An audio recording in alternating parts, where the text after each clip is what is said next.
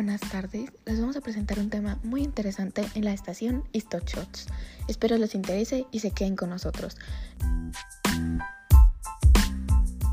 Les voy a presentar a mi equipo de radio que son Julieta Ramos, Andrea Corral, Jimena Chávez, Paloma Lara, Marcela Terán y yo, su servidora, Diana Laura Varela.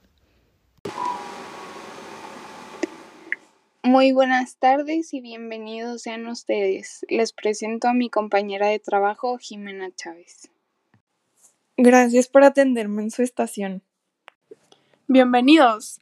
Vamos a hablar del tema la República Federal como forma de gobierno con nuestra compañera Marcela Terán.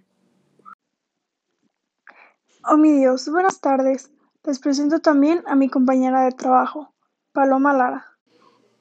Gracias por la invitación a su programa, Bacachots. Espero nos la pasemos muy bien. Ya después de que nos conocen, comenzamos. Comenzamos a hablar sobre qué es la República Federal como forma de gobierno con mi compañera Julieta Ramos. Una república federal es una organización política que se caracteriza por tener al Estado dividido en un poder ejecutivo, judicial y legislativo división que se expresa en una administración central y en una pluralidad de administraciones locales.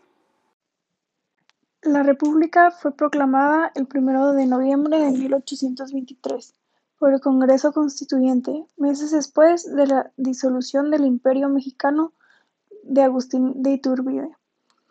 La República fue establecida formalmente el 4 de octubre de 1824 con la promulgación de la Constitución Federal de los Estados Unidos Mexicanos.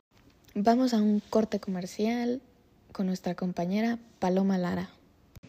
Con tu champú Herbal Essences vas a oler mucho mejor y tener un cabello de envidia. Yo les voy a comentar sobre algunos antecedentes históricos de México. Antes de la conquista por los españoles en el siglo XVI, lo que es ahora México fue habitado por pueblos de culturas avanzadas que interactuaron entre ellos en diversos grados en el tiempo y el territorio. De aquella época sobresalen la cultura olmeca, la tolteca, la totihuacana, la maya, la náhuatl, la totonaca, la zapoteca, la mixteca, la tarasca, entre otras.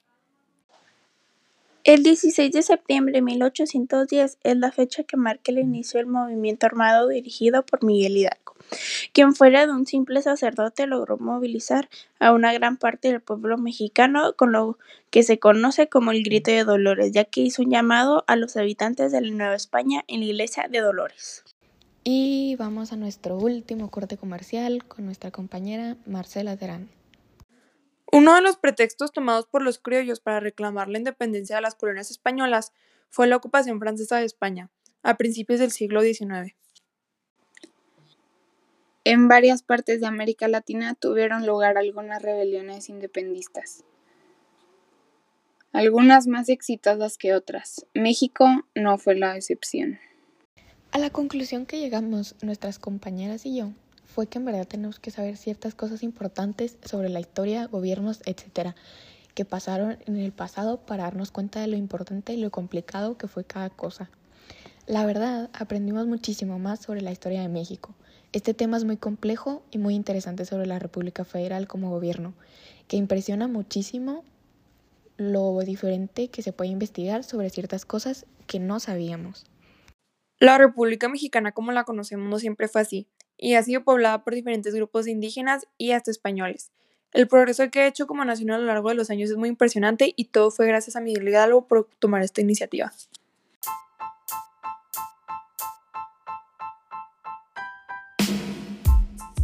Les agradecemos muchísimo por estar aquí con nosotros en nuestra radio Shots.